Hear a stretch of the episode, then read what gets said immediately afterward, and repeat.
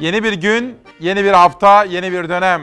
3 Şubat 2020 Pazartesi ve Günaydın Türkiye'm İsmail Küçükkaya ile Çalar Saat deprem bölgesindeki hava durumuyla başlıyor.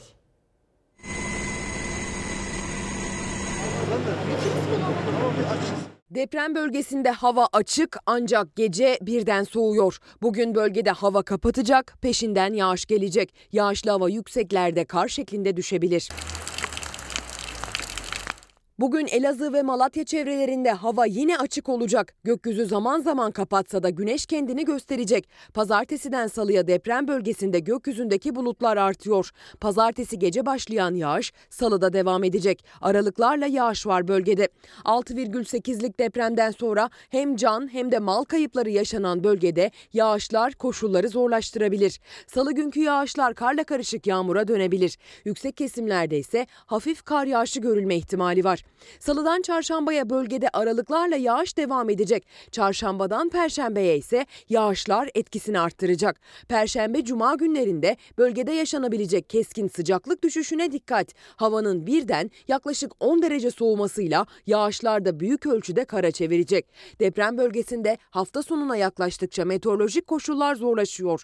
Bölgede zaten zor olan yaşam koşulları cuma günü beklenen kar yağışı ve keskin sıcaklık düşüşüyle birlikte daha da zorlaşabilir. Perşembeden itibaren bölgede barınma ve ısınma ihtiyacı artacak, tedbir alınmalı. İşte ortaya çıkıyor dedik ve 3 Şubat'ın ana öyküsünün manşetini gözler önüne serdik. Şu anda uyanan Çalarsat ailesini görmekteyim. Gerek Türkiye'de gerekse yurt dışında her birinizi içtenlikle selamlıyorum. Hatta Amerika ve Kanada'ya da iyi akşamlar diliyorum. İşte ortaya çıkıyor. Bugün deprem ana gündem maddemiz olacak.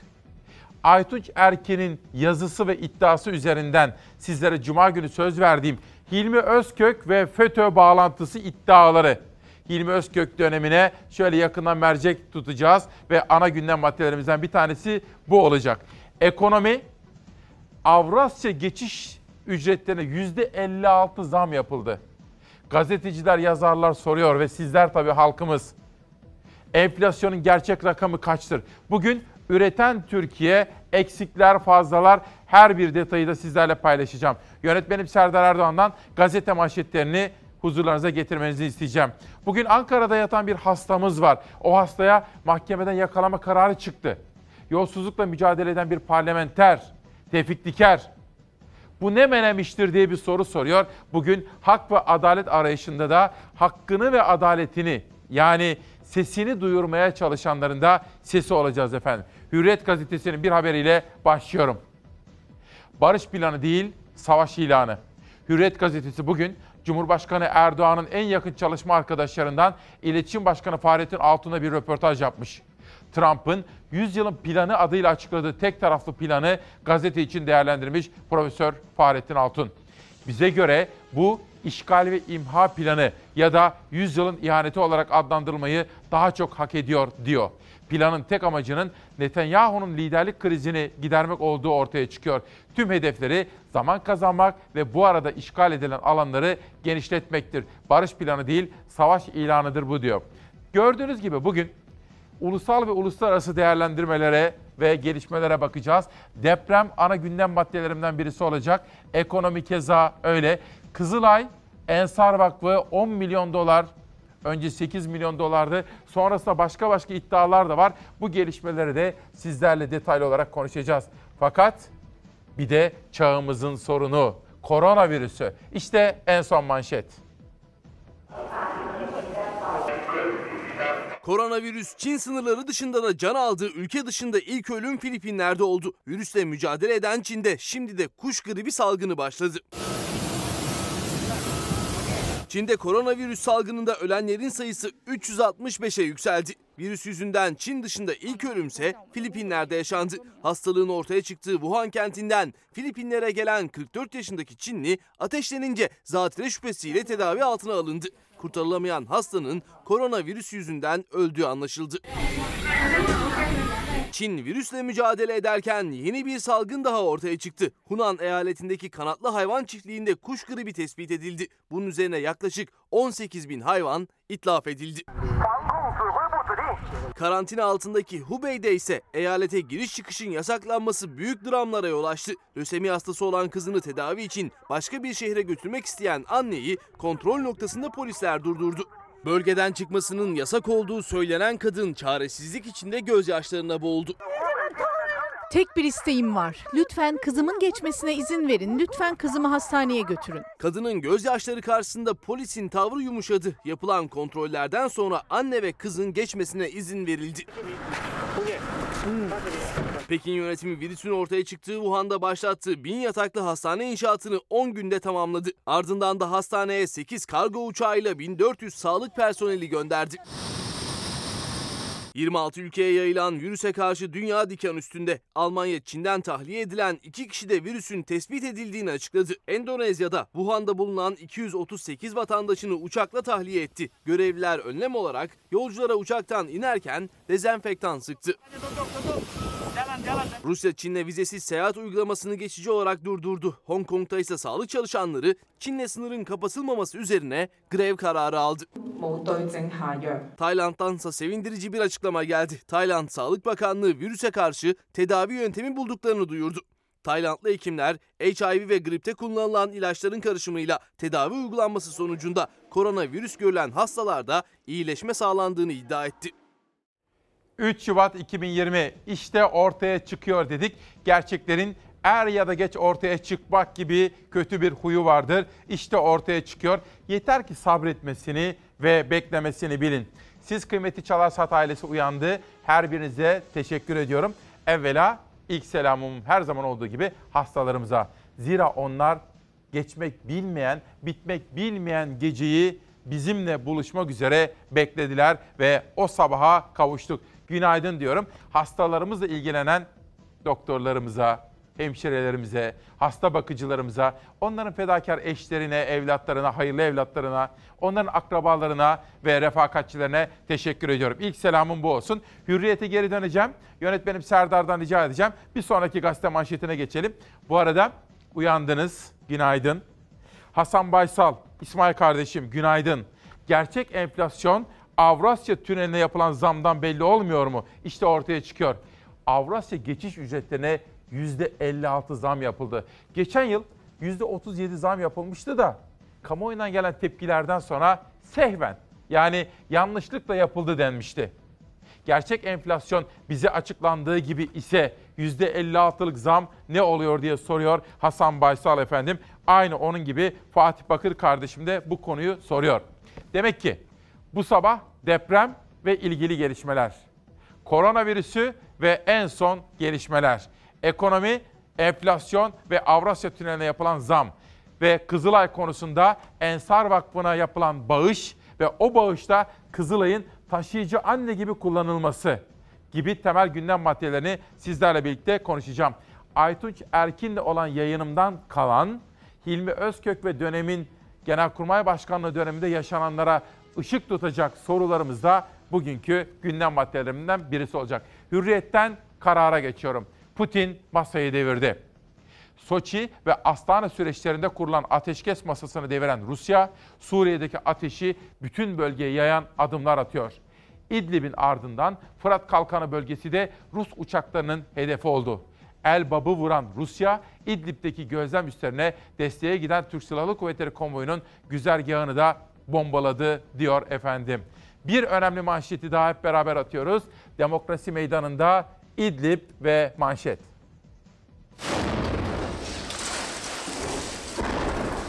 Rusya ve Esad rejiminin savaş uçakları İdlib'de hava ve kara saldırılarını sürdürdü. Saldırılarda şu ana dek 11 kişi hayatını kaybetti. Türk Silahlı Kuvvetleri ise İdlib gerginliği azaltma bölgesine sevkiyatlarını arttırdı. Mutabakat Esed rejimi ve onu destekleyen Rusya tarafından kanla ve acıyla adım adım delinmekte, bozulmakta, ihlal edilmektedir. İlan edilen ateşkese Soçi ve Astana mutabakatlarına rağmen hem Esad hem Rusya İdlib'de muhaliflere ve sivillere saldırılarını sürdürüyor. Biz Türkiye olarak Suriye'nin tüm halkıyla birlikte istikrarını ve güvenliğini istiyoruz. Bunun için de askeri güç kullanmak dahil ne gerekiyorsa yapmaktan çekinmeyeceğiz bunu da ifade ediyorum. Cumhurbaşkanı Erdoğan'ın açık uyarısına rağmen dün yine saldırı düzenlendi İdlib'e. Hem karadan hem de havadan. Rus savaş uçakları dün sabah saatlerinden itibaren İdlib'in Sermin beldesinde ve Urem Kubra'da saldırılar düzenledi. Rusya'nın saldırılarında 9 sivil hayatını kaybetti. Esad rejimi de hem karadan hem havadan vurdu İdlib'i. Serakip ilçesine, Sermin beldesine, Dadih, Merdih ve Neyrep köylerine ve Halep'in Daret İzle ilçesine saldırı düzenledi. Rejimin saldırılarında iki sivil hayatını kaybetti. Bölgede dikkat çeken bir gelişme daha yaşandı. Türk Silahlı Kuvvetleri İdlib gerginliği azaltma bölgesine sevkiyat gerçekleştirdi. Sevkiyat konvoyundaki onlarca tank, ağır silah, personel taşıyıcı zırhlı araçlar ve mühimmat kameralara böyle yansıdı. İdlib'deki durumun süratle normale döndürülmemesi halinde yeniden aynı yola başvurmaktan başka çaremiz kalmayacaktır. Uluslararası gelişmeleri, yabancı medya ve ulusal parlamentodaki gelişmeleri Ankara'dan ve ayrıca yerel gazete manşetleriyle de Türkiye turuna çıkacağız. Türkiye'nin hakikatlerini konuşacağız. İşte ortaya çıkıyor dediğimiz bu özel sabahta. Bir milletvekili arkadaşımız var. Bir önceki dönemden Tevfik Diker'e ne oldu İsmail kardeşim diye soruyor. Biraz sonra açıklayacağım. Şu anda Ankara'da bir hastanede yatmakta ve yakalama kararı çıkmış raporlarına rağmen. Doktoru aradı beni Ramazan Aydın. İsmail ne oluyor adalete diye sordu. Biraz sonra detaylı olarak konuşma imkanı bulacağım. Karardan sözcüye geçiyorum efendim. İşte bugün dop dolu bir gün ve gündemle karşınızdayız. Bu arada şu anda okula gitmek üzere hazırlıklarını yapan öğrenci kardeşlerime günaydın diyorum. Sömestr tatili bitti. Dileyelim ki biraz dinlendiniz. Büyüklerinize vakit geçirdiniz ve kitap okudunuz, şiir okudunuz, hikaye ve roman okudunuz ve yeniden başladığı okul dönemi sizlere zihin açıklığı dileğinde bulunmak istiyorum. Sözcüden bir haberle yolculuğumuza devam edelim. Bakalım ne var? Nedim Türkmen soruyor. Sadece deprem vergileri nereye harcandı demek yetmez. 2 trilyon 150 milyar dolar vergi nereye harcandı? Son 17 yılda başlıktaki rakam kadar vergi toplandı. Bu devasa paranın harcama kalemlerine bakıldığında halka pek bir şey kalmadığı da ortaya çıktı diyor. Bir manşet daha gelsin Sözcü'den. Bakalım ne var? Başkent Gaz'dan belediyeyi özel yasayla çıkardılar. Kızılay üstünden Ensar'a bağış yapan şirketle ilgili son skandal. Bu da Saygı Öztürk imzalı bir manşet Ankara'dan. Özelleştirilen doğalgaz şirketlerinde belediyelere %20'lik pay veriliyordu. Başkent Gaz için özel yasayla bu pay kaldırıldı. Ankara Belediyesi dava açtı. Aynı özel, özel yasayla Torunlar Gayrimenkul Yatırım Ortaklığı'nın sahibi olduğu yaklaşık 2 milyon aboneli Başkent Gaz yönetiminde belediyeden bir temsilci bulundurma zorunluluğu da kaldırıldı. Oysa Ankara dışındaki dağıtım şirketlerinde belediyelerin %20'lik payı devam ediyor diye sordu ve Ankara Belediyesi'nin bu konuda bir dava açtığı da ortaya çıktı. Gazetede bu haberin hemen altına doğru inelim. Bu kez Başak Kaya imzalı bir başka haber görüyorum Sözcü'nün birinci sayfasında. CHP'li Bülent Kuşoğlu açıkladı. Başkent Gaz'ın bağışı vergi kaçırma ve kaçakçılığına girer. CHP Genel Başkan Yardımcısı Bülent Kuşoğlu, Başkent Gaz'ın Kızılay üzerinden Ensar Vakfı'na bağış yapmasına tepki gösterdi. Kuşoğlu, olay bu haliyle organize ve planlı bir şekilde vergi kaçırma ve kaçakçılık suçu niteliğinde dedi efendim. Bu arada ben de sizlere sormak istiyorum. Başkent Gaz 8 milyon dolar aktarıyor. Para önce Kızılay'a veriliyor. %99'u Ensar'a, oradan da Amerika'da Manhattan'da 20 22 katlı mıydı, 23 katlı mıydı bir gökdelen dikiliyor. Bir başka vakfa. Siz de merak ediyor musunuz efendim? Neden doğrudan oraya vermediler de Kızılay'ı kullandılar? Kızılay'a adeta taşıyıcı annelik görevini neden verdiler? Sizler dürüst vatandaşlarsınız, verginizi muntazaman veriyorsunuz ve bu soruyu sormakta haklı ve meşru bir sorudur. Sizin de hakkınızdır diyorum efendim. İşte böyle. Bugün deprem, koronavirüsü, İdlib'deki yaşanan gelişmeler, ekonomi ve özellikle Avrasya Tüneli'ne yapılan %56'lık zam ve enflasyonun gerçek rakamı nedir şeklindeki bir soru. Aytunç Erkin'in sorusu üzerinden Türk Silahlı Kuvvetleri'nde bölücü terör örgütü FETÖ nasıl büyüdü? Kimler buna yardım etti? İşte bütün bu gündem maddelerini hep beraber konuşacağız. İşte ortaya çıkıyor dedim bugün. Şimdi depremi konuşmanın tam zamanı. Gelin babasının evinden değil deprem çadırından çıktı. Damat kızı baba evinden değil deprem çadırından aldı. Yaklaşık 10 gündür ard arda depremlerle yüreği ağzına gelen Manisa'da kurulan çadır kentte düğün telaşı vardı. Vermiyoruz. Gelin hanım burada da. Çıkma. Gelin alma töreninin bütün adetleri yerli yerindeydi. Tek fark gelin evden değil çadırdan çıkıp gitti düğün salonuna. Salondaki merasim kısa tutuldu.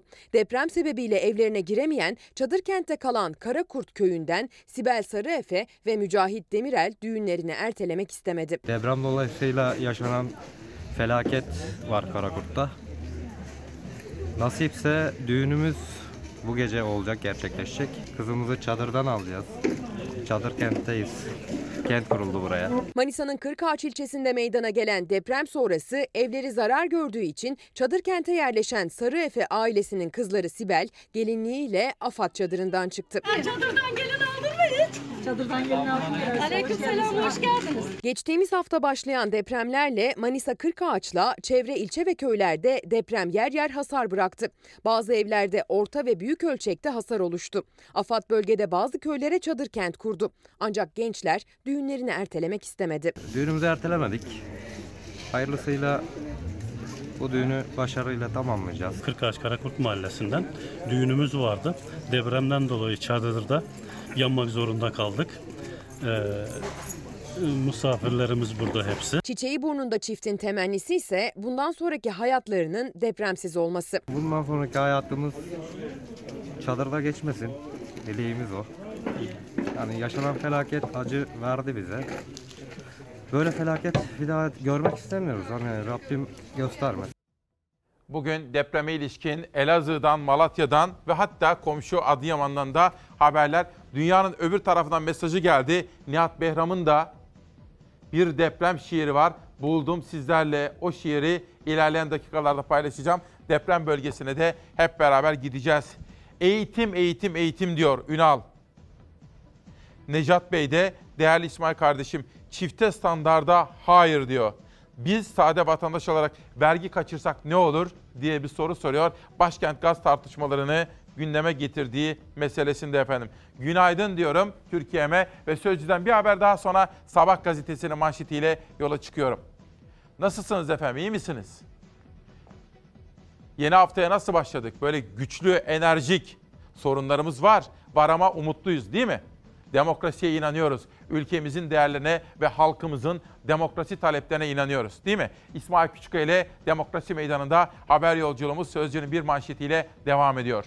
Halk vergiler altında eziliyor. Emlaka, suya, çöpe büyük zam yolda Erdoğan Süzer manşeti.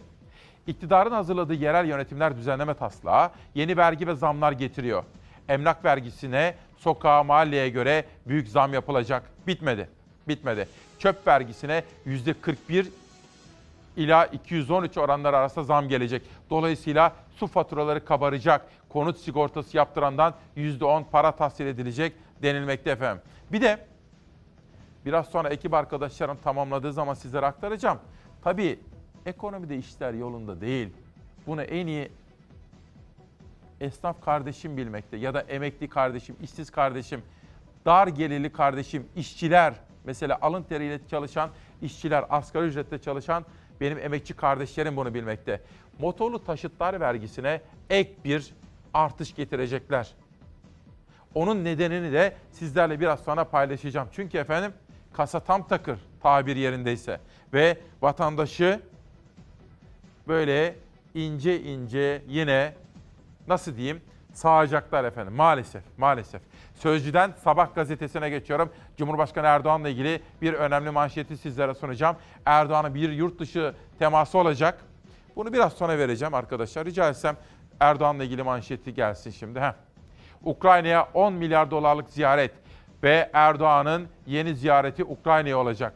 Başkan Erdoğan'ın bugünkü ziyaretinde iki ülkenin ticaret hacminin 10 milyar dolara çıkarılması için iş adamlarına çağrı yapılacak. İki lider başta turizm, savunma, sanayi, ulaştırma, yenilenebilir enerji, tarım gibi alanlarda işbirliği imkanlarını görüşecekler.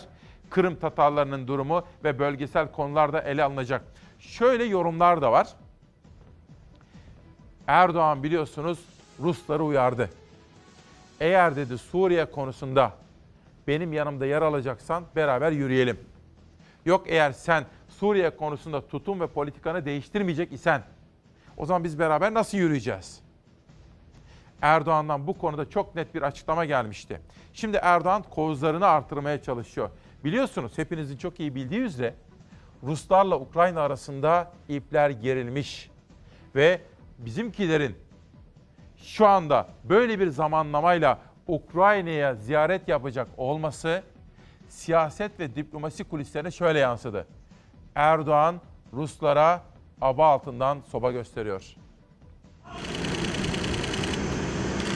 Cumhurbaşkanı Erdoğan bugün Ukrayna'ya gidecek. Ukrayna Devlet Başkanı Vladimir Zelenski ile görüşecek. Görüşme öncesinde dikkat çeken açıklamayı Ukrayna'nın Türkiye Büyükelçisi yaptı. Elçi Ankara Ukrayna ordusu için 200 milyon lira finansal yardım yapacak dedi. Cumhurbaşkanı Recep Tayyip Erdoğan, Türkiye-Ukrayna Yüksek Düzeyli Stratejik Konsey 8. toplantısına katılmak üzere bugün Ukrayna'nın başkenti Kiev'e gidecek. Cumhurbaşkanı Erdoğan'la Ukrayna Devlet Başkanı Zelenski resmi ziyarette bir araya gelecek. İkili ilişkileri ve bölgesel meseleleri ele alacak. Görüşmeler ve toplantılar sonunda iki ülkenin bir dizi anlaşmaya da imza atması bekleniyor. Ziyaret öncesinde ise dikkat çeken bir açıklama geldi Ukrayna cephesinden. Ukrayna'nın Türkiye Büyükelçisi Andrei Sibiga, Ukrayna medyasına konuştu. Ukraynalı elçi ziyaret sırasında Ukrayna ordusunun ihtiyaçları özellikle silah alımı için Türkiye'den 200 milyon liralık finansal yardımın sağlanmasıyla ilgili bir anlaşmanın imzalanacağını belirtti. Otoparklarda çalışan emekçi kardeşlerime buradan selamlar ediyorum efendim. Başta İrfan Bey olmak üzere her bir emekçi kardeşime teşekkür ediyorum. Bu arada Denizcan Tunceli'den uyanmış ve yanına kucağını da bebeğini almış, yeni bebeği olmuş. Allah bağışlasın diyorum. Adı ne diye o, sordum. Olida Zeynep demiş. Anlamı ne diye sordum onu da yazmış. Ve Denizcan ailesinde buradan yeni bebekleri için de tebrik etmek istiyorum efendim. Sabahtan bir haber daha sonra Cumhuriyet'e geçelim. Türkiye'nin desteğine çok ihtiyacımız var diyor. Bu arada sizlere söz verdiğim ve duyurusunu yaptığım gibi Cuma günü sizlerle olan buluşmamdan sonra yani sizlerle vedalaştıktan sonra akşam Çağdaş Yaşam'ın toplantısına gittim. Ayşe Yüksel, Çağdaş Yaşamı Destekleme Derneği Başkanı bir moderasyon yaptı. Ben de mesleğimin zirvesi Uğur Mumcudur başlıklı bir konuşma yaptım. Çok etkilendim şundan dolayı. Nilüfer Kışlalı vardı. Ahmet Taner Kışlalı'nın zarif eşi. Ve aynı zamanda Ali Tatar'ın zarif eşi vardı. Nilüfer Tatar. Onlarla konuştum. Bahriye Üçok kitabının yazarı, değerli bir yazar vardı Elfin Tataroğlu. Onlarla konuştum. Sizlere bugün ve bu hafta çağdaş yaşamdaki o etkinlikten de haberler aktarma imkanı bulacağım efendim. Şimdi sabahın manşetine geçebiliriz. İsa Tatlıcan'ın röportajı. Türkiye'nin desteğine çok ihtiyacımız var. Filistin baş müzakerecisi Doktor Sayep Erakat sabaha konuştu. Dünya çapında bir güç olan Türkiye'nin Filistin davasına ve Filistinlere desteği çok önemli diyor. Trump'ın almış olduğu akıl dışı karardan sonra Arap ülkeleri adeta ikiye bölündü.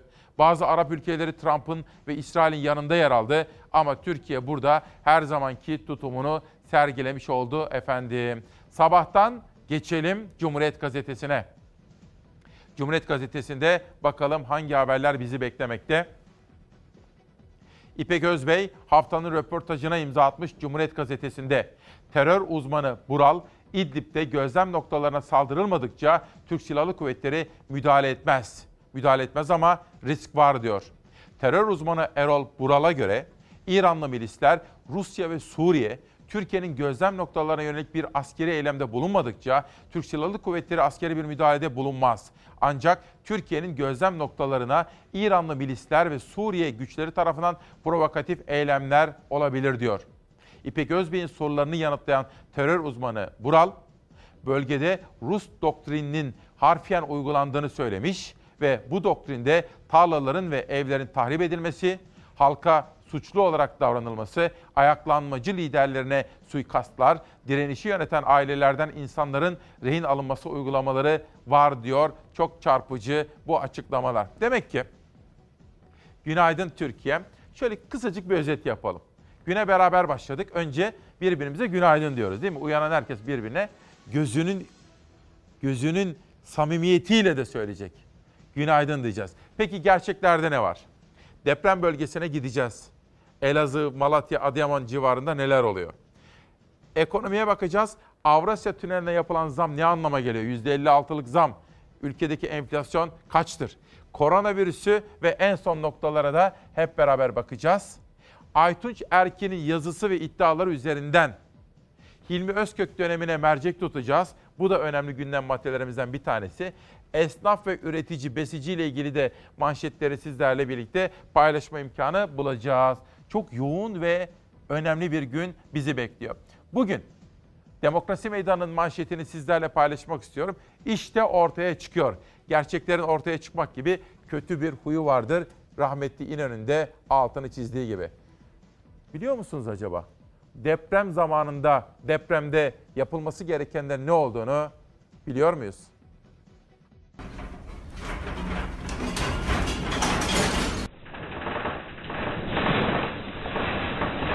Bir deprem ülkesi olarak yapılması gerekenleri sıkça duyuyoruz. Ancak bir depreme yakalandığımızda kaçımız yapılması gerekenleri gerçekten yapıyoruz? AFAD Deprem Simülasyon Merkezi hayat kurtaran eylemleri uygulamalı gösterdi. Bizim doğru davranış şeklimiz eee, sağlam nesnenin yanında üzerimize düşebilecek olan nesnelerden uzak çök kapan tutun hareketidir. Çök, kapan ve tutun. Deprem anında kapalı bir yerde bulunuyorsanız bu hareketlerle üzerinize düşebilecek nesnelerden korunabilirsiniz. Bir elimizle nesneden tutunuyoruz, diğer elimizle boyun ve baş bölgemizi koruyoruz. Eee, dizlerimiz yerde, amacı başka bir yere savrulup yaralanmayalım. Sarsıntı bitene kadar bu şekilde bekliyoruz. Eşyaların yeri bizim için çok önemli. Çünkü uzun boylu eşyalar e, sarsıntının etkisiyle düşüp bizi yaralayabilecek. Özellikle çıkış kapılarımıza yakın e, eşyalar varsa da bunların yerini değiştirmeyi öneriyoruz. Yerini değiştirme şansımız yoksa mutlaka duvara sabit halde olması gerekiyor. Çünkü e, vestiyerin çıkış kapımızın önüne düştüğünü düşünürsek bizim tahliye olacağımız kapıyı da kapatacağı için e, hızlı bir şekilde tahliyeyi gerçekleştiremeyeceğiz. Bu nedenle eşyaların yeri ve sabitlenmesi çok önemli. Her şeyi en ince ayrıntısına kadar planlamak gerekiyor. Eşyaları sabitlemenin dışında aile afet planı yapılması çok önemli. Deprem sonrasında buluşma noktası, iletişim yöntemi gibi pek çok önemli detayın önceden belirlenmesiyle koordinasyonu sağlamak mümkün. Depreme karşı önlemleri almamız gerekiyor. Öncelikleri iyi belirlememiz gerekiyor. Türkiye'nin ve İstanbul'un önceliği Kanal İstanbul değildir. Hayır. Bana Selin Hanım sormuş. Hayır. Türkiye'nin ve İstanbul'un önceliği depreme karşı alınması gereken tedbirlerdir diyorum efendim. Bana sorduğu için. Süleyman Aslan Diyarbakır'dan selam olsun abime diyor. Ben de Diyarbakır'ımıza selam ediyorum. Günaydın abi. 5 aydır maaş alamıyoruz. Çok yazık, çok günah, suç.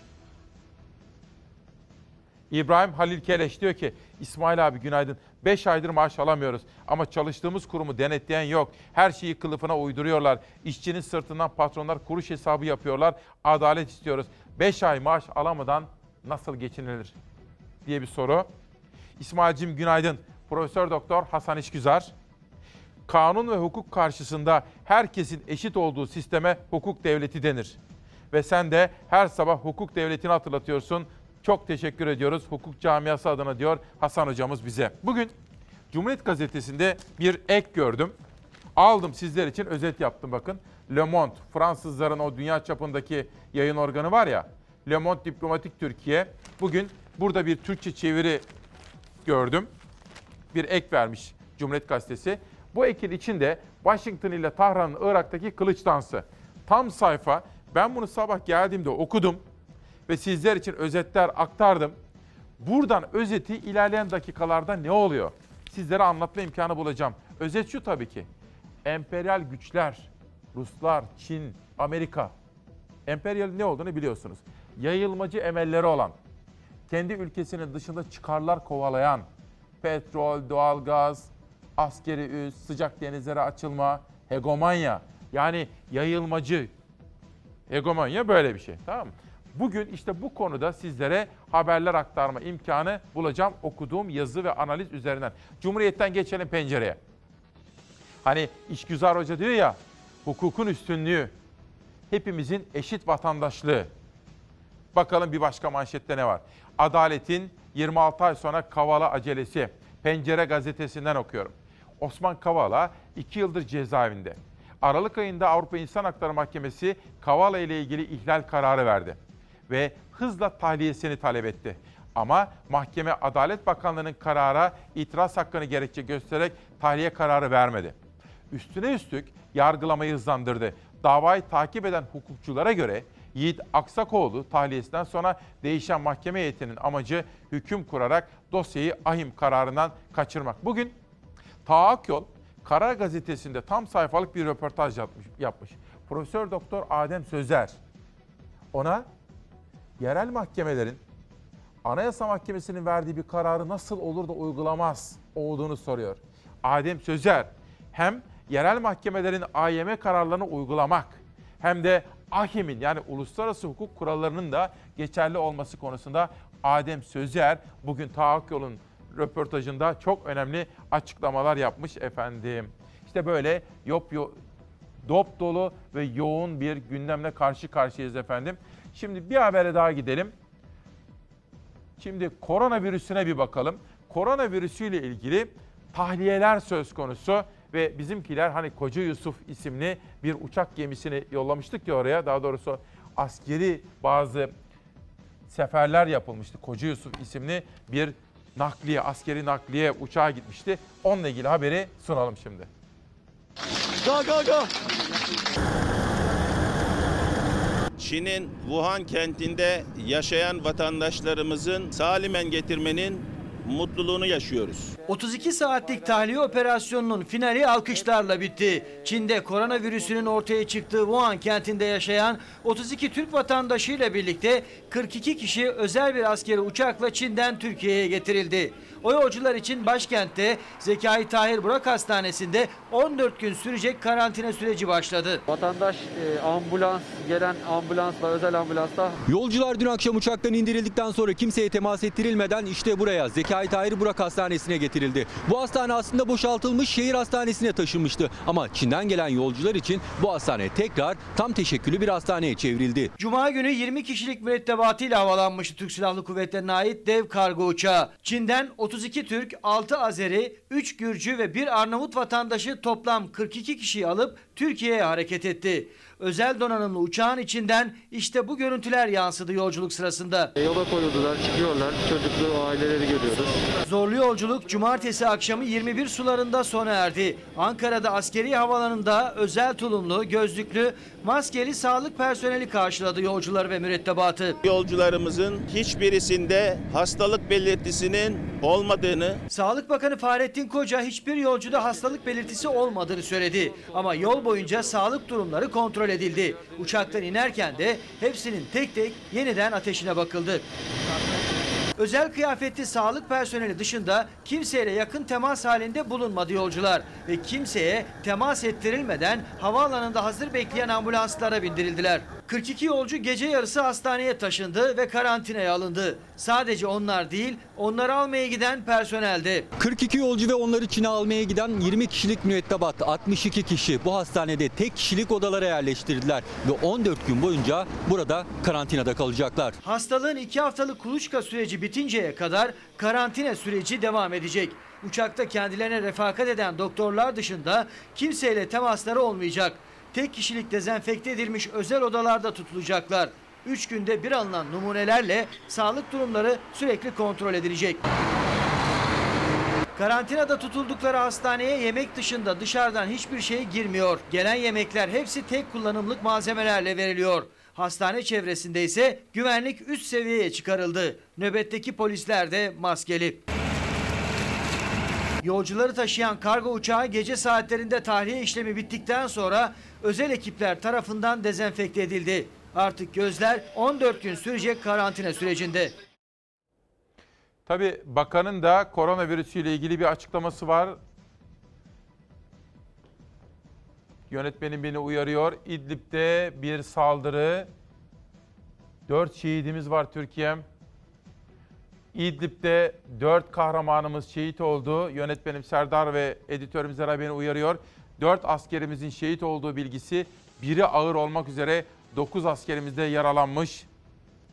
Topçu atışı sonucu denilmekte. İdlib'de biraz evvel Karar Gazetesi'nde Putin masayı devirdi diye bir haber okumuştum.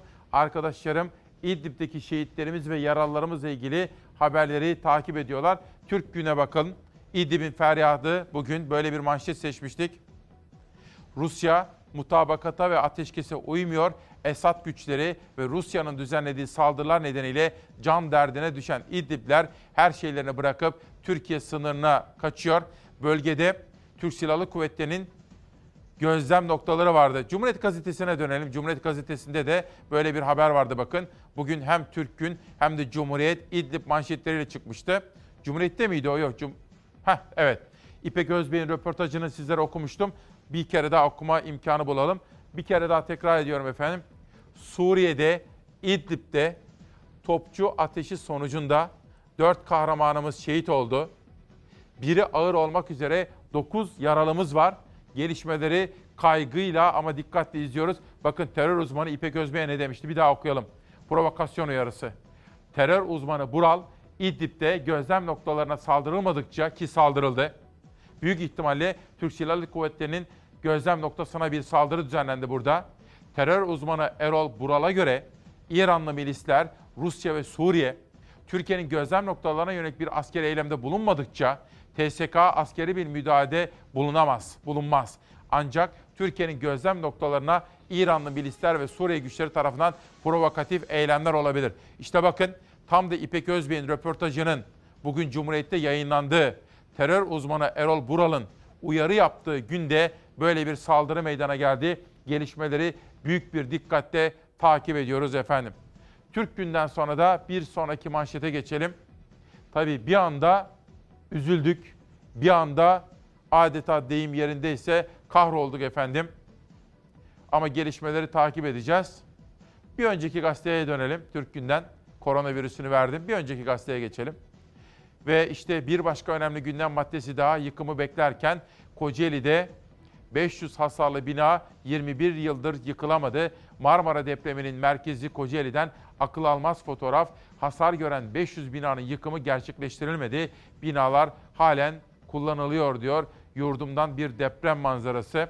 Hemen altında Manisa'da peş peşe depremler meydana geliyor ve Manisa'da yaşanan bu depremler İzmir, İzmir başta olmak üzere bütün bölgede de dikkatle yakından takip ediliyor efendim.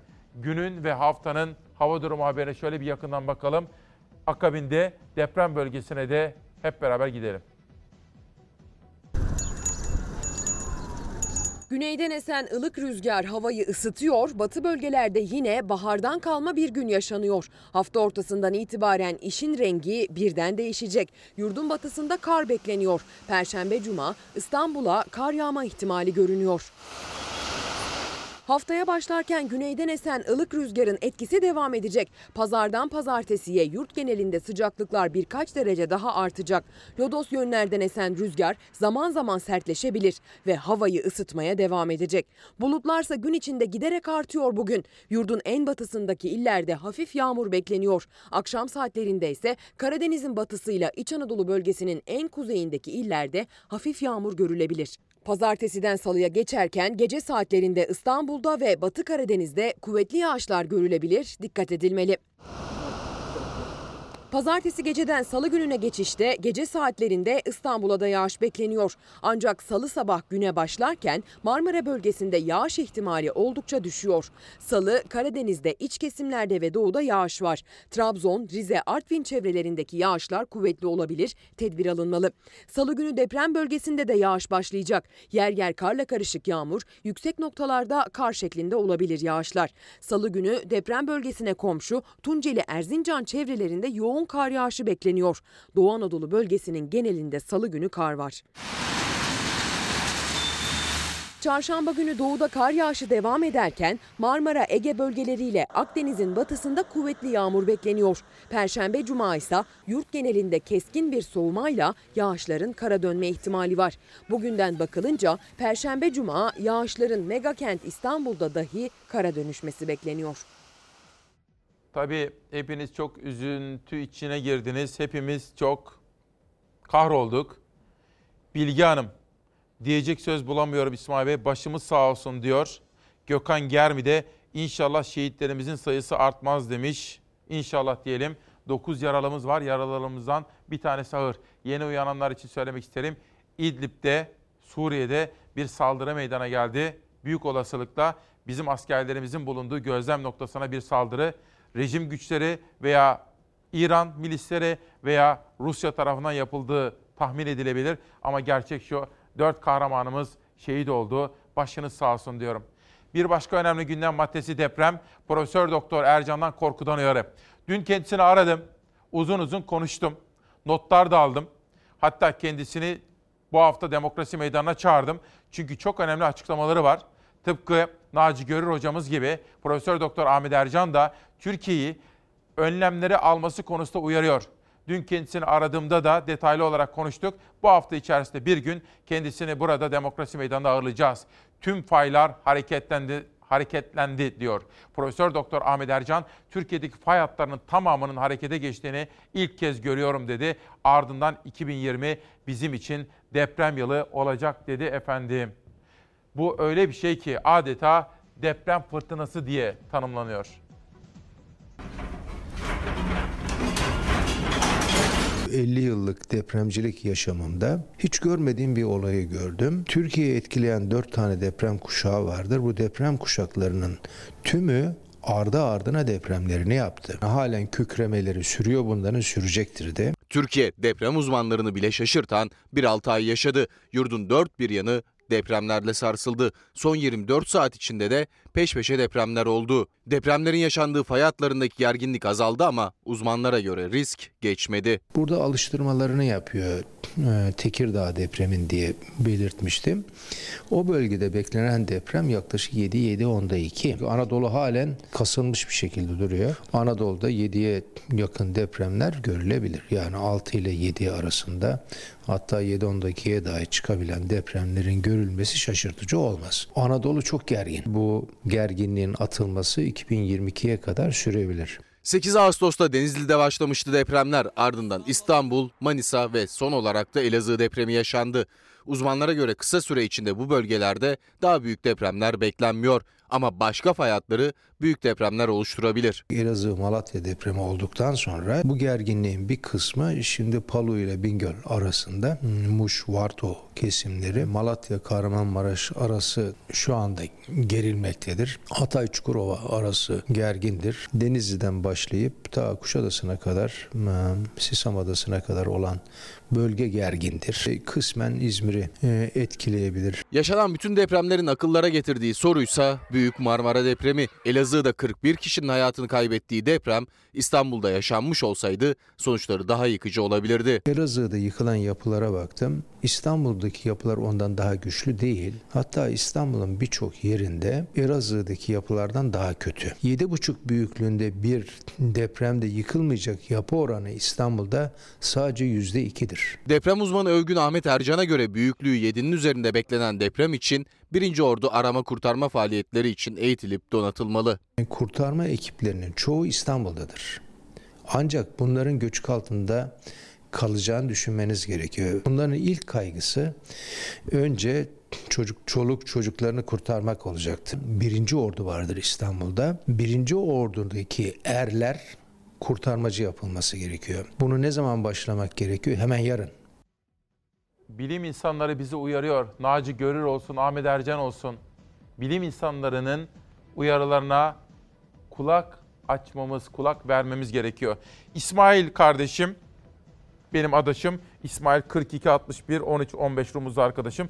Okullarda ehliyet sınavlarında trafik kuralları dersi verilsin diyor.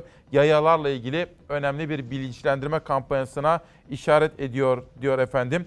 Bekir kardeşim diyor ki abi sabah söylemişsin ama yüzümü yıkamaya gitmiştim. Annem beni sınava tabi tutuyor. Ha, emperyal güç ne demek diye soruyor Bekir kardeşim. Şöyle Amerika, Rusya, Çin gibi hatta şimdi Hindistan'ı da bunun arasına katıyorlar.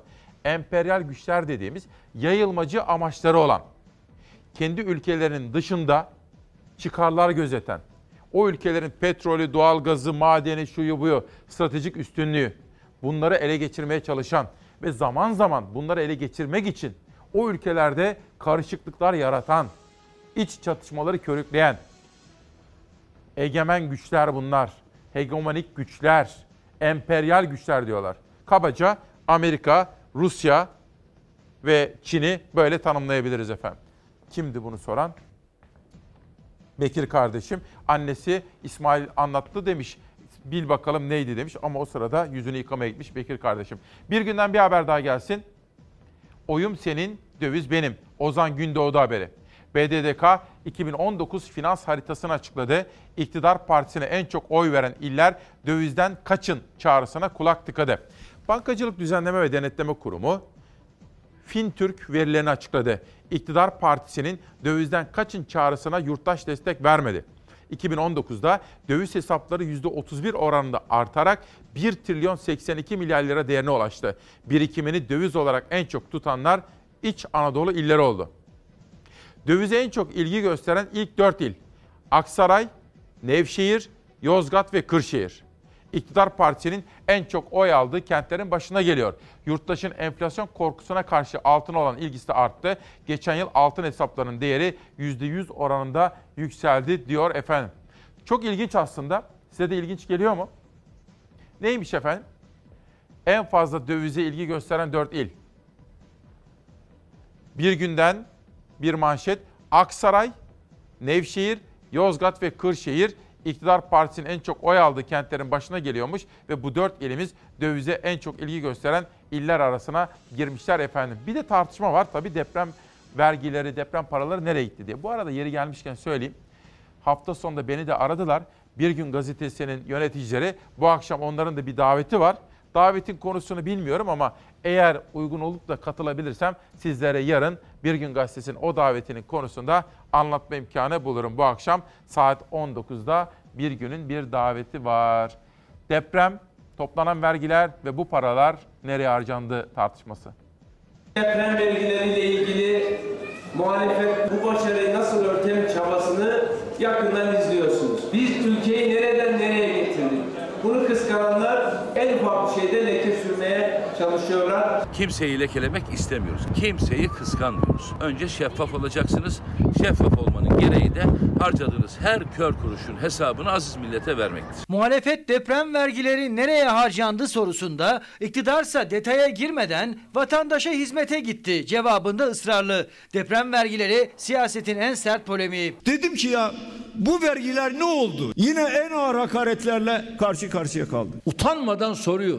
Deprem için topladığınız paraları nereye harcadınız? Vay Kemal sen kiminle cirit attığının farkında değilsin. Ve bu işi de öğrenemeyeceksin. Sayın Cumhurbaşkanı'nı ben Kemal Bey'e hesap vermem diyor. Bana göre de Kemal Bey'e vermesin istiyorsa ama vatandaş hesabını versin. İktidar deprem vergilerinin genel bütçe içerisinden gerekli yerlere harcandığını söylemekle yetinirken muhalefet amacı dışında kullanıldığı şüphesiyle kalem kalem açıklayın çağrısı yapıyor. 99 depreminde üçlü koalisyonun bugünün Cumhur İttifakı'nın ortağı MHP'den AK Parti'ye destek sesi rakamlarla yükseldi. 99'da 103 katrilyon para harcadı devlet.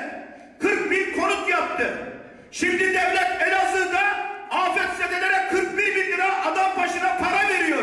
Elazığ'da binlerce konut yapılacak. deprem paraları ile ilgili AFAD'a gelen bütün yardımların da kuruş kuruş kalem kalem nereye sarf edildiğini bilmek benim ve aziz milletimizin en doğal hakkıdır. Deprem vergilerinin 7-8 katı kadar rakam bugün genel bütçeden illerimize, Van'a, Düzce'ye, şuraya, buraya her tarafa gitmiş. Vatandaş kendisi ödediği bu deprem vergisinin hesabını sormak istiyor. Diyor ki sismik araştırmalara mı harcadınız bu parayı? Bina güçlendirmelerine mi harcadınız? Yeni kentler mi oluşturdunuz depremden insanların ölmemesi için? 1999 Büyük Marmara depreminin ardından çıkarılmıştı. 2004 yılında kalıcı hale getirildi. Elazığ depremiyle birlikte yeniden hatırlandı. Deprem vergileri tartışması siyaseti dalgalandırmaya devam ediyor. Toplanan vergilerin çok daha fazlası deprem konusundaki çalışmalar için harcanmıştır. Hükümet istiyor ki ben Türkiye Büyük Millet Meclisi'nin bana verdiği bütçeyi kafama göre harcayayım. Topladığım vergiyi kafama göre harcayayım. Harcayamazsın kardeşim. Deprem paraları ve bu arada Kızılay tartışmasında olanca hızıyla devam ediyor. Torunların, Başkent Gaz'ın Ensar Vakfı'na 8 milyon dolar yollaması. Oradan da bir başka vakfa New York'taki bir yurda yapılması. 22-23 katlı bir yurt yapılması Manhattan'da. Ama para Kızılay'a veriliyor. Neden doğrudan o vakıflara verilmiyor da Kızılay burada paravan gibi adeta kullanılıyor? Bu da işte muhalefet partisinin peşine takıldığı temel sorulardan bir tanesi. Hafta sonunda açıklamaları vardı torunların ama ikna edici olduğunu söylemek pek mümkün gözükmüyor efendim. Bir günden bir haber daha gelsin. Her mahalleye iktidar bekçisi. Bu da Mustafa Bildirici'nin haberi. İstanbul'da bir yurttaşın üzerini aratmadığı iddiasıyla bekçiler tarafından darp edilmesine tepki sürüyor. CHP'li Murat Emir, bekçilere ilişkin yeni düzenlemeyi hatırlatarak her mahalleye iktidara bağımlı bekçiler yerleştirerek polis devletini perçinliyorlar dedi. Bu arada ama İstanbul Emniyeti bir açıklama yaptı. Tartışmanın böyle kamuoyuna yansıdığı gibi olmadığını ve bekçilerin üstünü aramak istediği bir kişinin de o kişinin arbede çıkardığını da iddia etti. İstanbul Emniyetinden gelen bir açıklama var bu konuda. Ama bu konuda hafta sonunda çok konuşuldu. Sosyal medyada manşet oldu. Sebebi şu. Bekçilerin aldıkları maaş.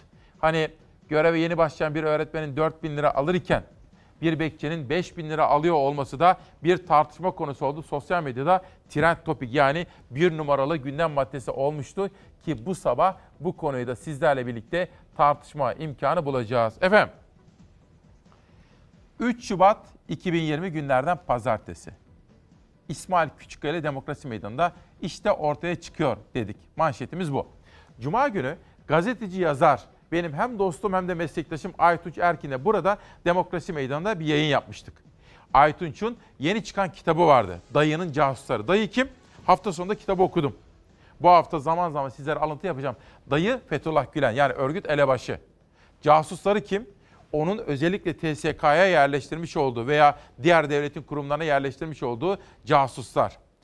Aytunç Erkin bu kitabında bir soruyu gündeme taşıyor. Pek çok soru var ama sorulardan bir tanesi de pazar günkü Hürriyet'te Toygun Atilla'nın, o da çok deneyimli, deneyimli ve başarılı bir gazetecidir. Toygun Atilla'nın da pazar günkü Hürriyet'teki haberi. 418 numaralı odanın sırrı. Kitabın yazarı Aytun Çerkin. Bu kitabı okuyup da Hürriyet'e aktaran Toygun Atilla. Aytunç'un ve Toygun'un soruları şu. Bir zamanların Genelkurmay Başkanı Hilmi Özkök, FETÖ'nün, FETÖ ile mücadelenin veya o tartışmaların balyozdur, kumpastır, o tartışmaların yani soru şu. Hilmi Özkök bu işin neresinde? Şimdi bu konu önemli. Bu evet. konuyu ben birazcık takip de etmek istiyorum. Hı-hı. Çünkü Hilmi e, Hilmi Özkök Genelkurmay eski başkan çok konuşuldu. Çok önemli bir e, isim. Evet. Şimdi bu kitapta Hilmi Özkök nasıl var? Onu bir anlatır mısın? Ee, Kararp Okul Komutanı Reha Taşkesen 2005'te görevin başına geldiği an dinlenmeye başlıyor. Kendisiyle ilgili ihbar mektupları başlıyor, CD'ler hazırlanıyor ve bu Kara Kuvvetleri Komutanı o zaman Yaşar Büyükanıt'a gönderiliyor. Ergin Saygun Kurmay Başkanı o zaman takip ediyor ve en son mektup Hilmi Özkök'e gönderiliyor. Hilmi Özkök de diyor ki bu mektubun gereğini yapın araştırın diyor. Ve bundan dolayı Reha Taşkesen'den Kararp Komutanı Tüm General Reha Taşkesen'den rapor isteniyor. Ve raporunu hazırlıyor Reha Taşkesen. 12 sayfalık bir rapor. Diyor ki beni takip eden bu mektupları yazan 2005-2006'da söylüyor bak cemaattir. Bu raporu veriyor Hilmi Özkök'e. Hilmi Özkök o ihbar mektuplarını ciddiye alıyor. Kara Harp Okulu Komutanı Reha Taşkesen emekli olmak zorunda kalıyor. Reha Taşkesen cemaati işaret ederken Hilmi Özkök o raporları kabul etmiyor, mektupları kabul ediyor. Esas mesele bu. Ben onun için söylüyorum. Senin bunu. buradan çıkardığın bu kitapta yer Evet. aldığın iddia ne? Benim iddiam şu. Hilmi Özkök o dönem Fethullah Gülen cemaatine üye askerlerin önünü açmak için çok ciddi bir şekilde destek verdiğini Bilerek veya bilmeden. Bilerek veya bilmeyerek Ama demiyorum. sonuç böyle. Sonuç bu ama ben şunu iddia ile söylüyorum. Mehmet Dişli'yi o dönem cemaatçi olduğunu bilmeyen yok. Ve Öyle o mi? Herkes karar biliyor mu? Ha. 2006 Kara Harp Okulu Komutanı Tüm General diyor ki Mehmet Dişli cemaatçidir. Rapor veriyor ya. Mehmet Dişli'den bahsediyoruz. Kim önünü açtı bunun? Ki Mehmet Dişli 15 Temmuz sahne kalkışmasının Hulusi kilidi Akar'ı ismi. götüren kişi. Bakın Akıncı'ya Evet, götüren evet. kişi. Demek ki burada herkes bir şeyleri biliyor ama herkesin önü açılıyor. Kimler içeri giriyor? O komutanlar işte. Şöyle sorayım. Ben o tarihlerde Ankara'dayım ya. Hilmi Özkök başka türlü davransaydı bu noktaya gelmezdi. Gelmezdi. Değil mi? Gelmezdi. Diğer komutanların da hatası var ama esas Hilmi Özkök'te başlıyor. Ben Hilmi Özkök'e tek bir soru soruyorum. Evet. Tüm Generali Cengiz Arslan aracılığıyla kimlerle görüştü? Tüm generali Cengiz Aslan Aracılığıyla kimlerle görüştü? sen söyle. Ben söylemiyorum. Peki, Zaman sonra. gazetesiyle nasıl bir ilişkisi vardı? Hilmi Özkök'ün. Hilmi Özkök'ün. Genelkurmay eski başkanı. Evet. Peki, Cengiz Aytaç, Arslan üzerinden kimin ne, ne ilişkiler kurdu ne belgeler Çok getirdi? teşekkür ediyoruz. Bu önemli bir konu. Ben teşekkür ederim. Aytunç Erkin işte bu soruları soruyor. Hilmi Özkök konuşmalıdır. Geniş bir toplantı yapmalıdır, basın toplantısı. O dönemde çünkü onun tutum, tercih ve açıklamaları çok şeyi etkiledi. O farklı bir tutum takınsaydı, farklı tercihlerde bulunsaydı belki de 15 Temmuz'a giden süreçte bu kadar sıkıntı yaşamazdık. 15 Temmuz olmayabilebilirdi. Olmayabilirdi. Hilmi Özkök konuşsun. Eğer konuşmak ister, bence bir basın toplantısı yapmalı. Ben de katılmak isterim. Hatta arzu ederse uzun bir program için buraya kendisini davet ediyorum. Aytunç'un sorularını da kendisine sorabiliriz. Hatta arzu ediyorsa Aytunç'la birlikte burada bir yayın yapabiliriz. Ama Hilmi Özkök konuşmalıdır. O kadar balyoz mağduru komutanlar var. Mustafa Kemal'in askerleri. Sizlere söyledim. Cuma günü Çağdaş Yaşamı Destekleme Derneği'nin toplantısına gittim. Orada Nilüfer Tatar'la konuştum. Ali Tatar'ın eşi. Orada balyoz mağduru, kumpas mağduru başka generaller, albaylar, onların eşleriyle konuştum. Çok canlar yaktılar. Dolayısıyla Hilmi Özkök gelsin, bütün bildiklerini anlatsın efendim. Diyor işte biz bugün böyle bir manşet yaptık. Tarihi nitelikteki Aytun Çerkin'in Dayının Casusları isimli kitabından yola çıkarak Hilmi Özkök'e ilişkin sormuş olduğu soruları kamuoyunun gündemine aktardık. Belki burada savcıların da bir parça bu konuları irdelemesinde fayda var. Ben fayda telakki ediyorum efendim. Geçelim bir başka önemli gündem maddesine. Sabahın sorusunu soruyorum size. 8 milyon dolar bağışlanabilir mi? Bağışlanabilir. 50 milyon dolar da bağışlanabilir. Ensar Vakfı'na bağışlanabilir mi? Bağışlanabilir. Herkes istediği yere bağış yapabilir. Sonuçta yasal kurumlar bunlar. Ama Ensar Vakfı'na hatta oradan da bir başka vakfa New York'taki bir yurt için aktarılmak üzere niye Kızılay'ı kullanıyorsunuz? Kızılay'ı bak bugün Karar Gazetesi'nde Mustafa Karalioğlu yazmış. Bizim güvendiğimiz tarihi, güzide kuruluşlarımız var. Hayır kuruluşlarımız, vakıflarımız. Neden bunlara leke çalıyorsunuz diye soruyor Mustafa Karalioğlu. Neden? Adeta bir saadet zincirinin paravanına dönüşmüştür. Türkiye Büyük Millet Meclisi'ne bir araştırma önergesi verdik. Bu işin takipçisi olacağız. Yanlış kim yapıyorsa Allah onun belasını versin. Türk Kızılay'ın ne kabahati var? Kızılay'ın başarısı ortada. Bir dedikodu şöyle olmuş, böyle olmuş, o ona yardım etmiş. Yardımı yapan Başkent Gaz, 7 milyon 925 bin dolara taşıyıcılık yapan Türk Kızılay'ı ve parayı alan Ensar Vakfı bağış trafiğini kabul etti ama AK Parti Genel Başkan Yardımcısı Vedat Demiröz'e göre hala bir dedikodu. Muhalefetse Türkiye'nin gündemine oturan o bağışın peşinde CHP meclise araştırma önergesi verdi. Kızılay'ın süratle bağımsız iki ayrı denetim şirketi tarafından hesapların incelenmesi lazım. Vergi kaçırmak başkadır. Vergiden kaçınmak başkadır. Olay bu haliyle Kızılay'ı paravan olarak kullanıp organize ve planlı şekilde vergi kaçırma ve kaçakçılık suçu niteliğindedir. Ben bugün istifa etsem Kızılay'ın iki ay içerisinde olağanüstü genel kurula gitmesi gerekir. Elazığ'da deprem olmuş. Manisa'da deprem olmuş. Suriye'de İdlib'de operasyon var. Bu arkadaş utanıp istifa etmesi gerekirken o onu yapacak gibi görünmüyor. İktidar Partisi'nin bunun üzerinde gereğini yapması lazım. Yani çekil kenara denmesi lazım. Ayrıldığım gün kurban keseceğim diye adam var. Akıllı adam işi değil bu. Yani ama milli ödev. Kızılay Başkanı'nın derhal istifa etmesi lazım. Muhalefet Kızılay Başkanı Kerem Kınık'ın devlet kasasına girecek verginin Kızılay aracılığıyla buharlaştırıldığı iddiasında ısrarlı. Kızılay Başkanı ile ilgili istifa tartışması sürerken MHP'den dikkat çeken bir çıkış geldi. Türk Kızılay Türk milletinin gözbebeği. Kimse Türk Kızılay hakkında ileri geri konuşmasın. Ha başkanına gelince herkes ona istediğini söyleyebilir. Yanlış yapıyorsa Allah onun belasını versin. Vergi kaçırma yok, vergiden kaçınma var sözleriyle şimşekleri üzerine çeken Kerem Kınıksa istifa çağrıları karşısında sessiz. Bugünün önemli gündem maddelerinden bir tanesi de bu efendim. Bu arada cumartesi günüydü. Beni Ramazan Aydın aradı. Asker kökenli bir doktor, bir tıp insanı Ankara'da. Dedi ki bir hastamız var dedi. Hastası da Tevfik Diker. Yolsuzluklarla mücadele eden yine o asker kökenli bir isimdir. Milletvekili de yapmış bir isim. Hastalığı var, ciddi hastalığı var ve raporları var. Buna rağmen bakın Tevfik Diker'i de aradım konuştum daha sonra. Alaşehir, Alaşehir'de Asya Ceza Mahkemesi'nden sanık olarak kendisini çağırmışlar. Hatta yakalanması. Tevfik Bey diyor ki hastayım, tedavi altındayım. Yolsuzluklarla uğraşan, onları araştıran, soran, sorgulayan beni ve benle ilgili yakalama kararı adalet nerede İsmail kardeşim diye soruyor efendim. Ben de buradan aktaralım ki gerek HSK, gerek Adalet Bakanlığı neyse belki de o ilgili mahkeme bu kararın gerekçesini açıklayabilir. Ramazan Aydın'la da bir hukuk, bir tıp insanı onunla da konuşulabilir efendim. Ciddi sağlık problemleri var ve şu anda yatışlı hasta kendisi. İşte ortaya çıkıyor dediğim bu özel sabahta bir taraftan dış medya gelsin, bir taraftan sosyal medya gelsin efendim. İsmail Saymaz benim adaşım ve meslektaşım. Kızılay ve Ensar 7 milyon 925 bin dolarlık bağış ile Amerika'da yurt açtığını söylüyor. Türkiye Cumhuriyeti 2016 yılında yurt dışında FETÖ ile mücadele için Marif Vakfı'nı kurdu. Vakfın birçok ülkede öğrenci yurdu var. Doğrudan bağış da alıyor. Neden Marif değil de Ensar diye bir soruyu gündeme taşıyor efendim. Türkiye Marif Vakfı 15 Temmuz'dan bir ay önce FETÖ'ye karşı mücadele için özel kanunla kuruldu. Yönetimi ve mütevellisi kamu görevlilerinden oluşuyor. Bağış kabul ediyor. Şu an 42 ülkede yurdu bulunuyor. 7 milyon 925 bin dolar neden marife değil de Ensar ve Türgev'e gidiyor şeklinde bir soru soruyor. İsmail Saymaz haklı ve yerinde bir sorudur bu.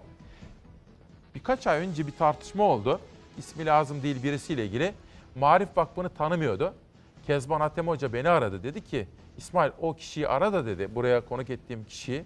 Marif Vakfı'nın 15 Temmuz FETÖ kalkışmasından sonra kurulduğunu ve devletin FETÖ'nün yapılanmasını çökertmek için son derece önemli ve faydalı bir vakıf olduğunu hatırlatmanı isterim dedi Kezban Atemi Hoca. İşte aynı İsmail Saymaz da meseleye aynı pencereden bakıyor. Siz de böyle düşünmüyor musunuz? Madem biz yurt dışında kaynak aktaracaklar, e neden o zaman devletin desteklediği marife değil de ensardır, şudur budur? Neden? İsmail Saymaz haklı. Fatih Altaylı Kızılay Başkanı'na bağış rezaletiyle ilgili çok ince bir soru sormuş. Böyle bir bağışı alıp Çağdaş Yaşamı Destekleme Derneği'ne veya Nesin Vakfı'na aktarır mıydınız? Cevap tabii ki hayır. Bunu yapsaydı vergi kaçırmaya yardımdan maliye ve yargı tepesine binerdi diyor emekli büyükelçi Haluk Ilıcak Fatih Altaylı'nın yazısı üzerinde. Bu da haklı bir soru. 1999 depreminden sonra kurulan komisyonun uyarısına rağmen 7 kez imar affı çıkarıldı. İşte bu. Bakın burası suç. Popülizm yapılıyor. Kime çıkarılıyor imar affı? Kaçak binalar için çıkarılıyor. Ondan sonra bize diyorlar ki depreme ilişkin önlemler alındı. İnanırsanız. Profesör Ercan bu gelen son 3-4 hatta 4 deprem ile 50 yıllık depremcilik yaşantımda Türkiye'de kırıkların ilk defa tamamının harekete geçtiğini gördüm. Dolayısıyla Türkiye bir deprem yılı yaşayacak diyor. Ahmet Ercan'ı dün aradım. Bilgiler aldım. Kendisini bu hafta uygun bir zamanda demokrasi meydanına davet ediyorum efendim. Dünyadaki gelişmelere de bir bakacağım. Ama şöyle kültür sanat biraz evvel kültürden sanattan da haberler ver diyordu bir arkadaşım. Dış medya bölümü. Serdar hazır mı dış medya? Peki. Çağdaş Yaşamı Destekleme Derneği'nin toplantısına ilişkin haberleri sizlere aktaracağım. Ben orada meslek büyüğüm Uğur Mumcu'yu anlattım. Uğur Mumcu benim için mesleğimin zirvesidir. Çünkü o araştırmacıdır. Çünkü o muhabir ruhludur efendim. Ve engellilerin sesi, Akdeniz engellilerin sesi. İşte bu engelli kardeşlerime ilişkin bir dergi. Amadeus, dün gittim. Özellikle Okan Bayülgen, Selçuk Yöntem, Özlem Öçalmaz. Gerçekten çok etkilendim. Mozart'ın hayatını anlatıyor. Sarıyeri üzerinden Fazıl Say'da okumuştum. Çok etkilendim. Bakın tam da dün 2 Şubat'ta izleme imkanı buldum. Saygun Sinan Dizmen bana böyle bir albümünü imzalayarak yollamış. Elif Önal'da piyanoda kendisine eşlik etmiş efendim. Teşekkür ediyorum. Ve bir de dergiden bahsedeyim. Memoş bak neymiş o? Ömer Onan'ı bu hafta franchise İzmir'den gelen bir dergide de Ömer Onan kapak. 15 kitap tanıtımı daha yapma imkanı bulacağım. Sıra geldi dünyanın manşetlerine.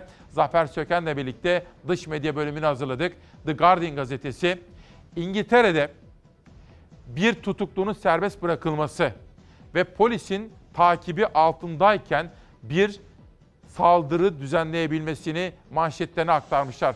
The Guardian gazetesi gibi Independent gazetesi de bir teröristin cezaevinden serbest bırakılmasını hem de bıçaklı saldırıdan hemen günler öncesinde serbest bırakılmasını. İşte İngiltere bunları konuşuyor.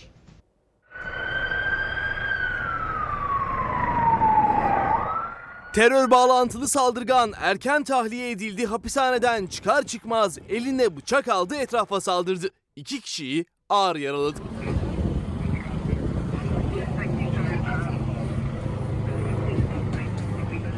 İngiltere'nin başkenti Londra yaşadı kabusu. Eli bıçaklı bir saldırgan başkentin güneyinde elindeki bıçağı çevredekilere savurdu. İki kişiyi yaraladı.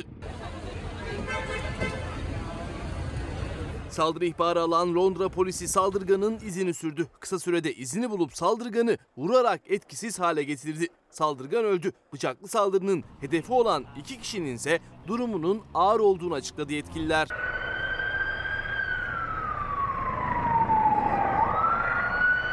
Saldırının ardından saldırganın kimliği de belli oldu. Saldırıyı düzenleyenin 19 yaşındaki Sudeş Amman olduğu, terör bağlantısı tespit edildiği için 3 yıl hapis cezası aldığı ancak infaz kanunları çerçevesinde erken tahliye edildiği öğrenildi. İngiltere şimdi terör hükümlüsünün erken tahliye edilmesini tartışmaya başladı. Türkiye turuna da çıkacağız. Savaş Yıldız kardeşimle birlikte seçtiğimiz yerel gazete manşetlerini de sizlere aktarma imkanı bulacağım. Bu hafta Murat Anmungan'dan alıntılar yapacağım size. Türk dilinin büyük ustası dilimizin. Bilirim olaylar farklı büyütür herkesi. Olaylar farklı büyütür herkesi. Yani yaşadıklarımızdan ders çıkarabiliyor muyuz? İşte bu anlamlı bir sorudur. Hafta boyunca Murat Anmungan'la ilgili alıntılar yapacağım size. Bu arada Nihat Behram'dan da mesaj geldi. Dünyanın öbür ucundan Ateşi Solumak isimli şiir kitabında bir deprem şiiri var. Onu da sizlere anlatma imkanı bulacağım. Nur Akbulut, tiyatro kadın, Çağdaş Yaşamı Destekleme Derneği'nin toplantısı için gittiğimde bana geldi. Ben de sizin gibi furu hayranıyım dedi. Kuş ölürsen uçuşu hatırla. Kadın sorunlarını da dikkate alan önemli bir çalışma, bir tiyatro çalışması okumam üzere bana verdi. Nur Hanım'a da çok teşekkür ediyorum. Henüz okumadım ama okuma imkanı bulunca sizlere anlatacağım. Kayseri olay. Hepimiz FETÖ'cü müyüz diye bir soru soruyor. Bütün bu tartışma İlkay Sezer'in açıklamalarıyla başladı. Ve daha doğrusu İlker Başbuğ'un açıklamalarıyla başladı. İlker Başbuğ açıklamaları yapınca onun avukatı İlkay Sezer de İsmail Küçüköy ile Demokrasi Meydanı'na katıldı ve döneme ilişkin önemli soru işaretlerini burada gündeme taşımıştı. Genelkurmay eski başkanı Başbuğ'un aralarında AK Parti Kayseri Milletvekili Eli Taş'ın da yer aldığı bazı isimlere yönelik FETÖ'nün siyasi ayağı iddiasında bulunmasının ardından hedefteki isimlerden biri olan Eli Taş sessizliğini bozdu. O döneme dair açıklama yapan Eli Taş, Başbuğ'a tepki göstererek şu ifadeyi kullandı. Hepimiz FETÖ'cü müyüz? Kayseri'den yani İç Anadolu'dan Diyarbakır'a doğuya gidiyorum. Mızraklı'ya 15 yıl ceza talebi. Görevden alınan ve görevden alınarak tutuklanan Diyarbakır Büyükşehir Belediyesi Başkanı Selçuk Mızraklı'nın yargılandığı davada savcı 15 yıl ceza istedi diyor efendim. Bir taraf diyeceğim şimdi. Bu kadara fazla değil mi? Avrasya Tüneli'ne %56 zam. Son aylarda hükümetin öncelikle temel ihtiyaçlar olmak üzere çoğu şeye yaptığı yüksek zamlar artık vatandaşı isyan ettirdi. Yurttaşlar doğalgaz ve elektrik faturalarını nasıl ödeyeceğini kara kara düşünürken ben oraya bakın kara kara aslında. Neden biliyor musunuz? Çiğdem Toker de bunu yazmış. Sosyal medyada da çok gördüm. Eğer enflasyon bize açıkladıkları gibiyse e neden Avrasya'ya %56 zam yapılıyor? Neden? Hatırlayacaksınız geçen yıl %37 zam yaptılar ve bizlerden ses yükselince yani kamuoyundan dediler ki sehven yani yanlışlık da oldu. Keşke buna da yanlışlık da oldu deseler efendim. Bir taraftan Yeni Asır'a İzmir'e geçiyorum. 2020 deprem yılı olacak. Önceki gece ve dün Ege'yi sarsan depremlerin ardından uzmanlar uyardı. Profesör Doktor Ahmet Ercan, Türkiye'deki tüm faylar harekete geçti. Bu fırtına sürecektir derken Profesör Sezbilir ise zamanı gelmiş ama kırılmamış faylara dikkat çekti diyor efendim. O halde şimdi deprem bölgesine gitmenin tam zamanı.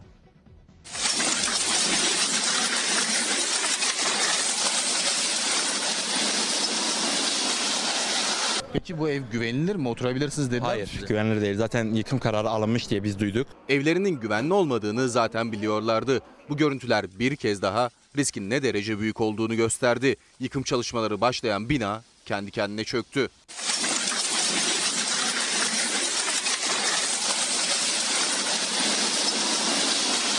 Elazığ'da 24 Ocak'ta 6,8'lik depremin ardından Sürsür mahallesindeki Dilek sitesinde bir apartman yıkılmış, 10 kişi hayatını kaybetmişti. Depremden 3 gün sonra 27 Ocak'ta hemen yanındaki Petek sitesinde yaşayanlara da evlerini boşaltmaları söylendi. Site sakinleri saatler içinde boşalttı evlerini. Bütün site boşalıyor mu? Evet. Site bu, bu akşam boşanması lazım. Çürük raporu vermişler. Demişler mühürleyecek çiçeleri. Evleri mühürleyeceğiz. Burası bir binanın yerle bir olduğu Dilek sitesinin hemen yanındaki Petek sitesi. Burada yaşayanlar evlerini boşaltmaya başladı. Onlar taşınmaya başlamadan hemen önce de ekipler buradaydı. Binalardan örnekler aldılar, test yaptılar. O testler sonucu binaların ağır hasarlı ve depreme dayanıksız olduğuna karar verildi. Fox Haber'de o gün bina sakinlerinin apar topar evlerini boşaltmalarına tanıklık etti. Hasarlı binalara girmeyin uyarısının nedenli hayati olduğu bir kez daha anlaşıldı. Yıkım çalışmaları başladı ama iş makinelerine gerek kalmadı. Yıkıma yağış sebebiyle ara verildiği sırada bina yerle bir oldu. Neyse ki Petek sitesindeki o güvensiz binalar deprem sırasında yıkılmadı. Yüzlerce kişi şans eseri kurtuldu ölümden. Demek ki bu sabah bir deprem felaketi ve alınması gereken önlemler, koronavirüsü ve alınması gereken tedbirler. Bu arada 4 şehidimiz var. Tekrar etmek isterim efendim. Suriye'de İpek Özbey'in röportajına dönelim biraz sonra. Suriye'de 4 kahramanımız şehit oldu. Biri ağır olmak üzere 9 yaralımız var efendim. Ve orada Rusya destekli Esad rejiminin yaptığı bir saldırı var. Türk Silahlı Kuvvetleri'nin gözlem noktasına ilişkin efendim. Yerel gazete manşetlerinde biraz sonra Şanlıurfa'dan Rize'ye çıkacağız. Tunceli'ye gideceğiz ve Tunceli'den Adana'ya. Çünkü Adana'da 5 Ocak'ta önümüzdeki hafta Cuma akşamı da 5 Ocak'ın geleneksel yılın en başarılı habercileri ödül töreni var efendim. Onları da biraz sonra sizlere anlatma imkanı bulacağım. Bu arada Yüksek Mühendis Günnur Dikeç'in ve Kemal Demirel düzenlemesiyle Döküm Teknolojisi isimli kitabı da bana imzalanarak geldi. Bir bilimsel nitelikte çalışmadır diyorum efendim. Gönderenlere de teşekkür duygularımı ifade etmek isterim. Sözcüden bir haber, doğalgaz ve elektriğe ard arda gelen zamlar nedeniyle vatandaşlar evlerindeki bazı odaları ve kalorifer peteklerini kapattı. Bu nedenle doğalgaz ve elektrik tüketimi geçen yıla göre %30 azaldı. Bir soru soracağım, pardon. Bugün kameralarda İsmail kardeşim var orada. Kendisi Erzincanlıdır. Ve orada da Yunus kardeşim var. Adanalıdır. Ta Toroslardan gelmiş bir kardeşimdir. Efendim bir soru soracağım. Nasıl faturalar? Doğalgaz mesela çok kabardı değil mi? Elektrik de öyle. Vallahi su da öyle. Yani geçinmek neredeyse mümkün değil artık. Özellikle asgari ücretle geçinmenin bir mucize olduğunu söylemek isterim efendim. Hele hele işsizseniz. İşsize Allah yardım etsin diyorum. İşte bakın Mehmet Söğüt 38 yaşında. Çanakkale Ezine Sarı Söğüt köyünde iki katlı inşaatın kalıp işinin sökümünde kullandığı ıslak ahşap kalasın elektrik tellerine temas etmesi sonucu akıma kapılarak yaşamını yitirdi. Maalesef dünyada en fazla işçi cinayetlerinin yaşandığı ülkelerin başında geliyoruz efendim. Mehmet Söğüt kardeşimin ailesine de buradan başsağlığı diliyorum. Ve Anadolu Ajansı'nda bir haber, İletişim Başkanlığı Kanal İstanbul projesine ilişkin detayların yer aldığı internet sitesi açtı. Belli ki hükümet ve Cumhurbaşkanlığı Kanal İstanbul konusunda ısrar edecek. Ama İstanbul Belediye Başkanı buna karşı çıkıyor Ekrem İmamoğlu. Kanal İstanbul masası yıkıldı diyor. Bizim diyor Kanal İstanbul'u falan değil, depremi ve depreme ilişkin alınması gereken tedbirleri konuşmamız lazım diyor Ekrem İmamoğlu. Ve diyor ki ben randevu istedim. Emredin geleyim diyorum. Bu millet kurtulsun yeter. Önemli olan ben değilim diyor. Egoları bir yana bırakalım diyor. Cumhurbaşkanı Erdoğan'la görüşmek istiyor. İstanbul Belediye Başkanı ve Kanal İstanbul'un yapılmaması gerektiğinin altını çiziyor. Independent'ta bir haber gördüm. Kabine değişecek, teknokrat bakanlar gidecek. İstanbul Belediyesi'nden iki isim bakan olacak. 5 ya da 7 bakanlıkta değişiklik olabilir deniliyor. İstanbul Belediyesi'nden iki isim ve Ankara'dan önemli bir kuruluşun başkanı bakan yapılacak deniliyor. Cumhurbaşkanı yardımcılığı 3'e çıkabilir deniliyor. Tabi burada çok farklı isimlendirmeler de yapılıyor ama şunu da söyleyeyim. Cumartesi veya pazar gün televizyon izleyememiş olabilirsiniz, gazete okuyamamış olabilirsiniz. Şu çok konuşuldu gazetelerde ve sosyal medyada. Berat Albayrak AK Parti'nin genel başkanı olma ihtimali vardı. Siyaset kulislerinde çokça konuşulan gündem maddelerinden birisi de işte buydu efendim. Ne yapıyoruz şimdi arkadaşlar? Peki koronavirüsü ve alınması gereken önlemler. Henüz bir vaka görülmedi ancak Türkiye'de önlemini alanlar artıyor. Dünya Sağlık Örgütü'nün acil durumu ilan etmesiyle kalabalık içinde maske kullananların sayısı da arttı. Maskeyi en çok turistler kullanıyor. Çin'in Wuhan kentinde ortaya çıkan bugüne kadar 365'ten alan koronavirüs tüm dünyayı endişelendiriyor. Virüse karşı alınan önlemler de aynı doğrultuda artıyor. Solunum yoluyla bulaşan hastalıktan korunmak için dışarıda maske takan insanlar artık daha fazla görülüyor. İstanbul'da maske takanların çoğunluğu yabancılardan oluşuyor. Sadece kendimizi koruma altına almak için değil, buradaki vatandaşların da bizden korkmaması için maskeli geziyoruz. İstanbul'a gelen ve maske takan Çinli bir turist insanların endişe etmemesi için maske taktığını söyledi. Türklerin kendisinden korkmadığını da ekleyen turist bu durumdan dolayı mutlu olduğunu belirtti. Ben Türkiye'yi çok sevdim. İnsanlar bize herhangi bir tepkide bulunmadı. İstiklal Caddesi'nde maskeyle gezen bir Japon turisti etrafta çok Çinli olduğunu ve bu yüzden maske taktığını ifade etti.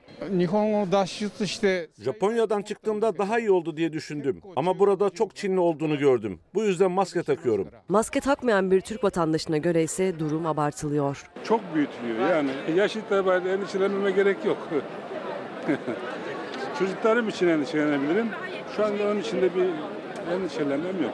Türkiye genelinde vatandaşlar da virüse karşı oldukça hassas turistlerde. İzmir'de Taylandlı turistler koronavirüs endişesiyle hastaneye başvurdu. İki turiste de virüse rastlanmadı.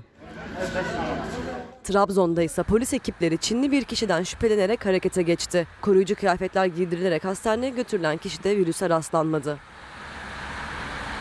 Çin'de ve virüsün görüldüğü ülkelerde filtre ve daha koruyucu maskeler tercih ediliyor. Hacettepe Üniversitesi Tıp Fakültesi öğretim üyesi Profesör Doktor Ateş Kara şu an için Türkiye'de maske takılmasını gerektirecek bir durum olmadığını vurguladı. Kara aynı zamanda Sağlık Bakanlığı tarafından kurulan Koronavirüs Bilim Kurulu üyesi. Bizim ülkemiz için konuşuyor olursak açıkçası maskeyi takmamızı gerektirecek bir durum söz konusu değil. Yani bu genel anlamda dışarı çıktığımızda dolaşırken veya herhangi bir toplu alana geçerken de maske takmamızı gerektirecek özel bir durumumuz yok. Mesela grip bulguları olan kişilerin maske takması bir başkasına bulaştırmak yönünden etkili olabilir. Ama onun dışında rutinde maske takmaya gerek yok. Bu arada bakanın yaptığı açıklamalar editörüm Zeray da beni uyarıyor. Onlar da hazırmış. Bu arada ama danışmanım Nihal Kemaloğlu da bana İdlib'deki şehitlerimizle ilgili bilgileri ve bağlantıları yolluyor. Onun yolladığı bilgilerden bir tanesi Mustafa Aydın. İdlib'de film koptu. Türkiye rejim güçlerinin kuzey hattında, güney-kuzey hattında hareketini önlemek için M4 karayoluna konuşlanan takviye kuvvet gönderdi. Yani biz takviye kuvvet yollamışız. Rejim güçleri yani Esad ve Rusya desteklisi güçleri TSK'nın gözlem noktasına ateş açtı. 4 şehidimiz, 9 yaralımız var. Bugün İpek Özbey'in Cumhuriyet'teki röportajı terör uzmanı ile ilgili o açıklamaları da detaylı olarak tekrar vermek durumundayım. Ve yüreğimizin yanmasıyla uyandık bu sabah diyor MAC Filiz Rumuzlu arkadaşım. Yusuf Kereci, İsmail Bey bu ay doğalgaz faturam 640 lira dedi. Gerçekten el insaf dedi. Şimdi Le Monde var. Hepinizin çok iyi bildiği Fransızların dünya çapındaki yayın organı. Cumhuriyet Gazetesi bugün bir ek çıkartmış. Le Monde'dan Türkçe çeviriler yapmışlar efendim. Bakın burada. Ben de sabah bunları okudum. Hepsini değil de iki tanesini özellikle bizi ilgilendiren ikisini okudum. Bir tanesi şu. Washington ile Tahran'ın Irak'taki kılıç dansı. Uzun analizde aslında bütün kavganın Irak için koptuğunu, Irak'ın adeta üçe bölünmek üzere olduğunu söylüyor. Ve bakın şurada Washington bölgedeki himaye sadakatini sağlayarak milyarlarca dolarlık silahları satmaya devam ediyor. Washington'ın en önemli amacı silah satmak. Ve yapılan araştırmalara göre Suudi Arabistan savaş harcamaları sıralamasında Amerika ve Çin'in ardından 3. sırada yer alıyor. Düş, düşünsenize küresel sistem Amerika ile İran'ı karşı karşıya getiriyor. İran'la da Suudi Arabistan rekabet ediyor ve silah satıyorlar. Ve burada mezhep savaşlarını körüklüyorlar. Irak'ta Şii etkinliği. Ve işte dünyanın karşı karşıya gelmiş olduğu nokta. İşte aslında efendim bize düşen yani halklara düşen şu. Bu egemen güçlerin Amerika, Rusya, Çin, Hindistan bu emperyal devletlerin oyununa gelmemek. Çünkü onlar özgürlük falan getirmezler.